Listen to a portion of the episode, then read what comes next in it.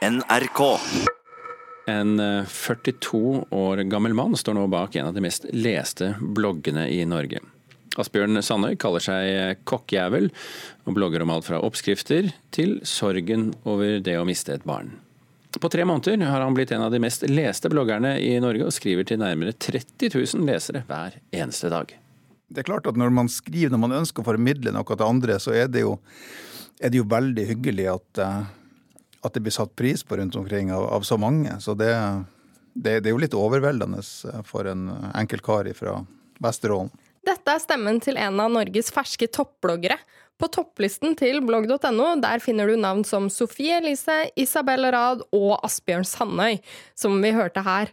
Han startet bloggen Kokkejævel i september, og siden da så har han bygget seg opp en leseskare på 25 000-30 000 daglige lesere, ifølge han selv. Det jeg tror kanskje har truffet folk, er jo eh, det at etter hvert så ble det kanskje en litt sånn Askeladden-historie. Det kom en ukjent mann ifra fra Finnmark som liksom kicka, kicka ned de her eh, svære superkjendisene på blogglista, og så sitter jeg og skriver om, eh, om uh, Kautokeino. Han er opptatt av livet mellom måltidene, så på bloggen finner du innlegg med både oppskrifter og sorgen over å miste et barn. For ham er det naturlig å skrive om både det gode og det vonde som skjer. Fordi at uh, vi alle sammen opplever jo begge, begge tingene. Sånn så, så um, Eh, etter at vi mista sønnen vår i sommer, f.eks. Det så jeg på som faktisk, uten at jeg tenkte over det, som langt mer naturlig å skrive om.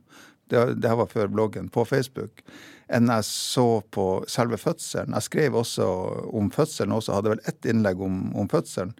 Men jeg følte kanskje at det var mer privat, egentlig. For jeg, har hele tida prøvd å, å ikke være privat. Personlig, men ikke privat. Å skille på hva han kan dele på internett og ikke, det setter han i skolegården. Men hvordan vil skolegården reagere på at pappa f.eks. Eh, skriver at han har angst? Det er jo så enormt tabubelagt, eh, det.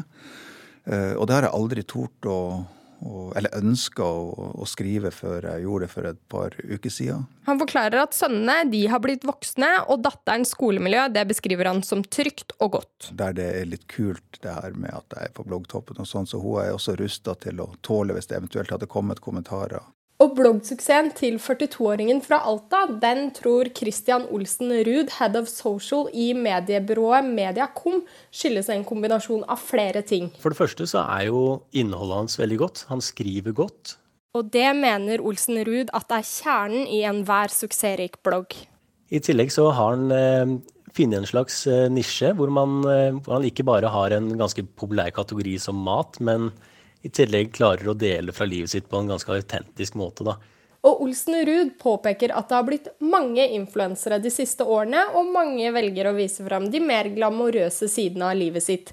Men på bloggen til Kokkejævel deler Sandøy også den autentiske delen av livet, ifølge Olsen Ruud.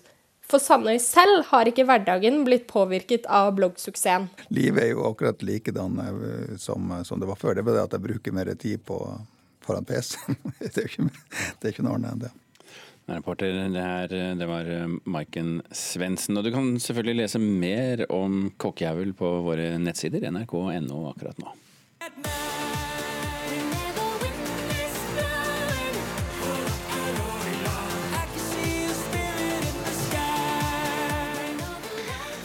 Er gruppa Keiino som vant den eh, norske delen av Melodi Grand Prix eh, i fjor.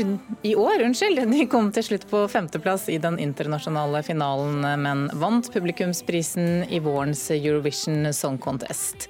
Og nå føler også trønderne seg som vinnere, for i året da Melodi Grand Prix feirer sitt 60-årsjubileum, så legges finaleshowet til Trondheim Spektrum. Det blir fantastisk i vår nye storstue på Trondheim Spektrum.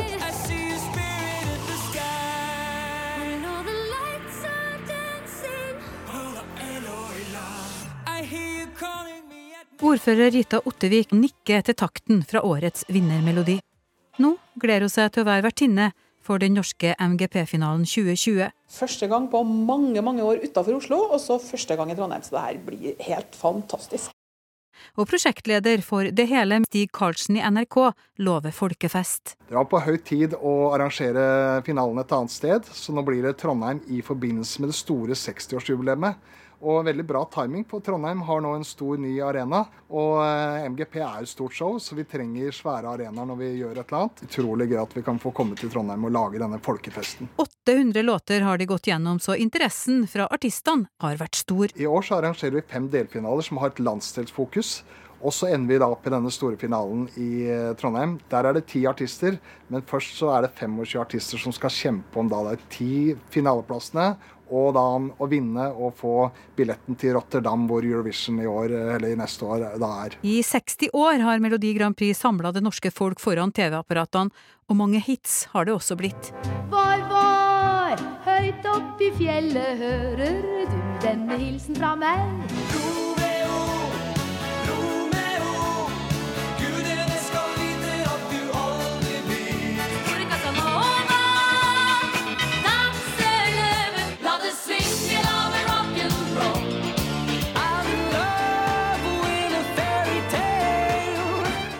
MGP har jo engasjert mennesker nå i 60 år. Eh, Hver gang vi arrangerer MGP, så er det en million mennesker som følger med og mer. Eh, Det har vært mye glede, engasjement, mye temperatur, sikkert også litt irritasjon. Eh, Og det har kommet til veldig mange hits ut fra MGP. 7000 billetter legges snart ut for salg, og MGP-sjefen lover et spektakulært show. Folk i Trøndelag kan glede seg, og ikke bare Trøndelag, men hele landet kan glede seg over et kjempeshow. Det blir selvfølgelig konfetti, pyro, eh, flotte artister med flotte låter. Eh, Det blir et fantastisk show i Trondheim Spektrum 15.2 neste år.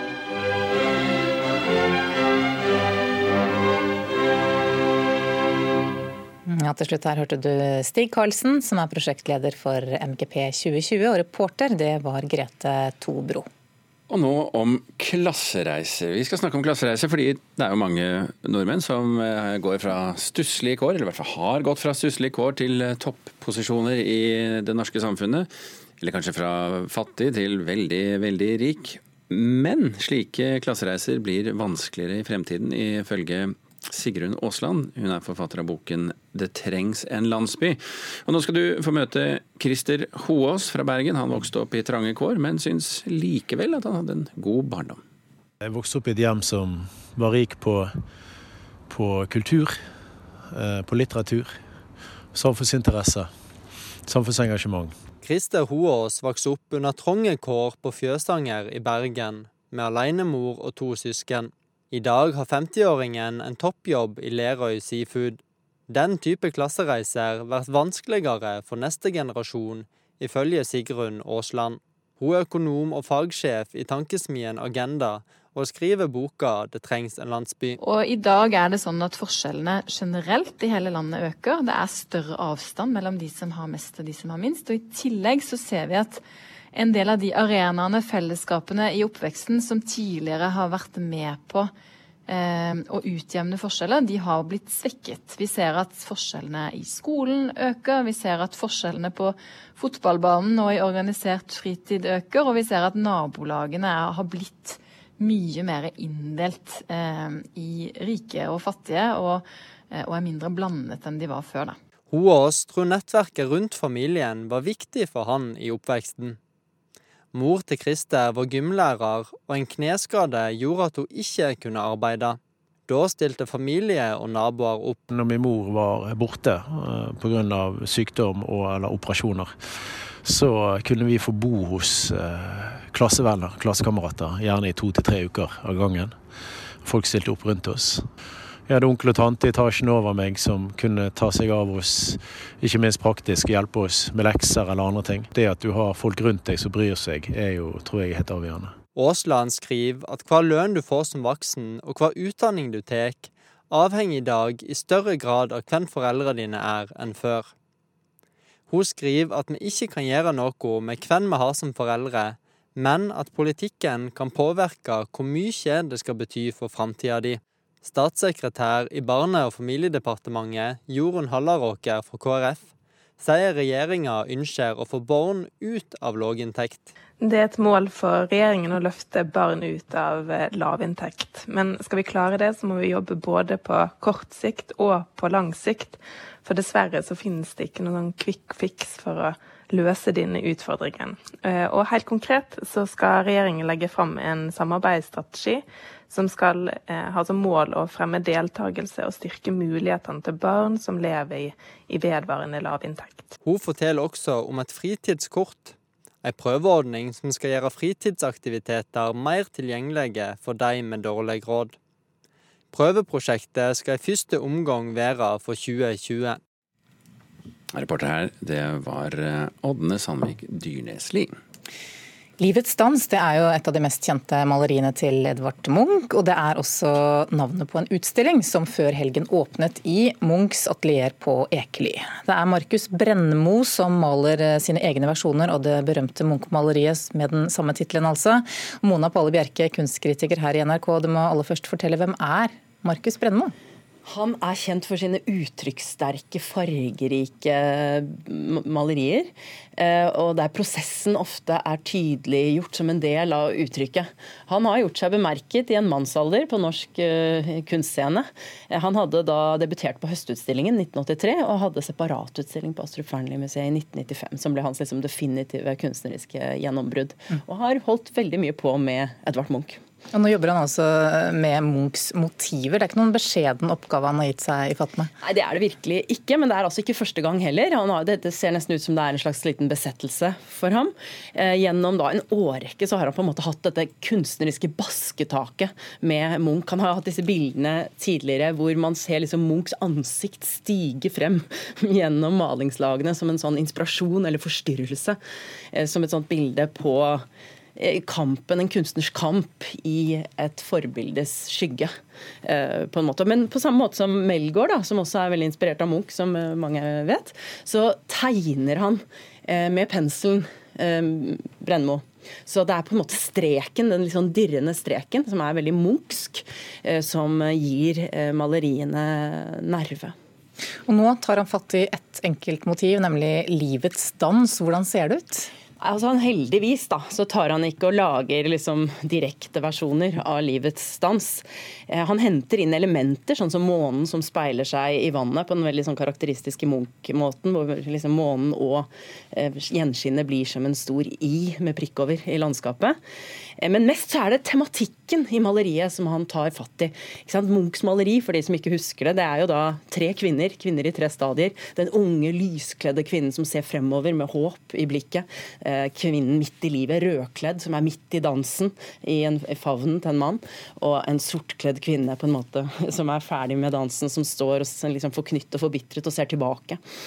Eh, Og Det er ikke dette motivet han gjentar, sånn sett. det er mer at han tar fatt i dette med livsangst, smerte, kjærlighet, begjær. eh, Og det er ett eh, fantastisk eh, bilde hvor vi ser et mektig skinnende grønt vesen med enorme hender som griper om en sånn blussende rød kvinnekropp. eh, Som et sånt favntak eller en dans. da. Dette er Markus Brennmo på sitt aller beste. Er dette en god utstilling? Han er svært ujevn, eh, men på sitt beste er han eh, skikkelig god. Men noen ganger opplever jeg at han ikke stopper i tide.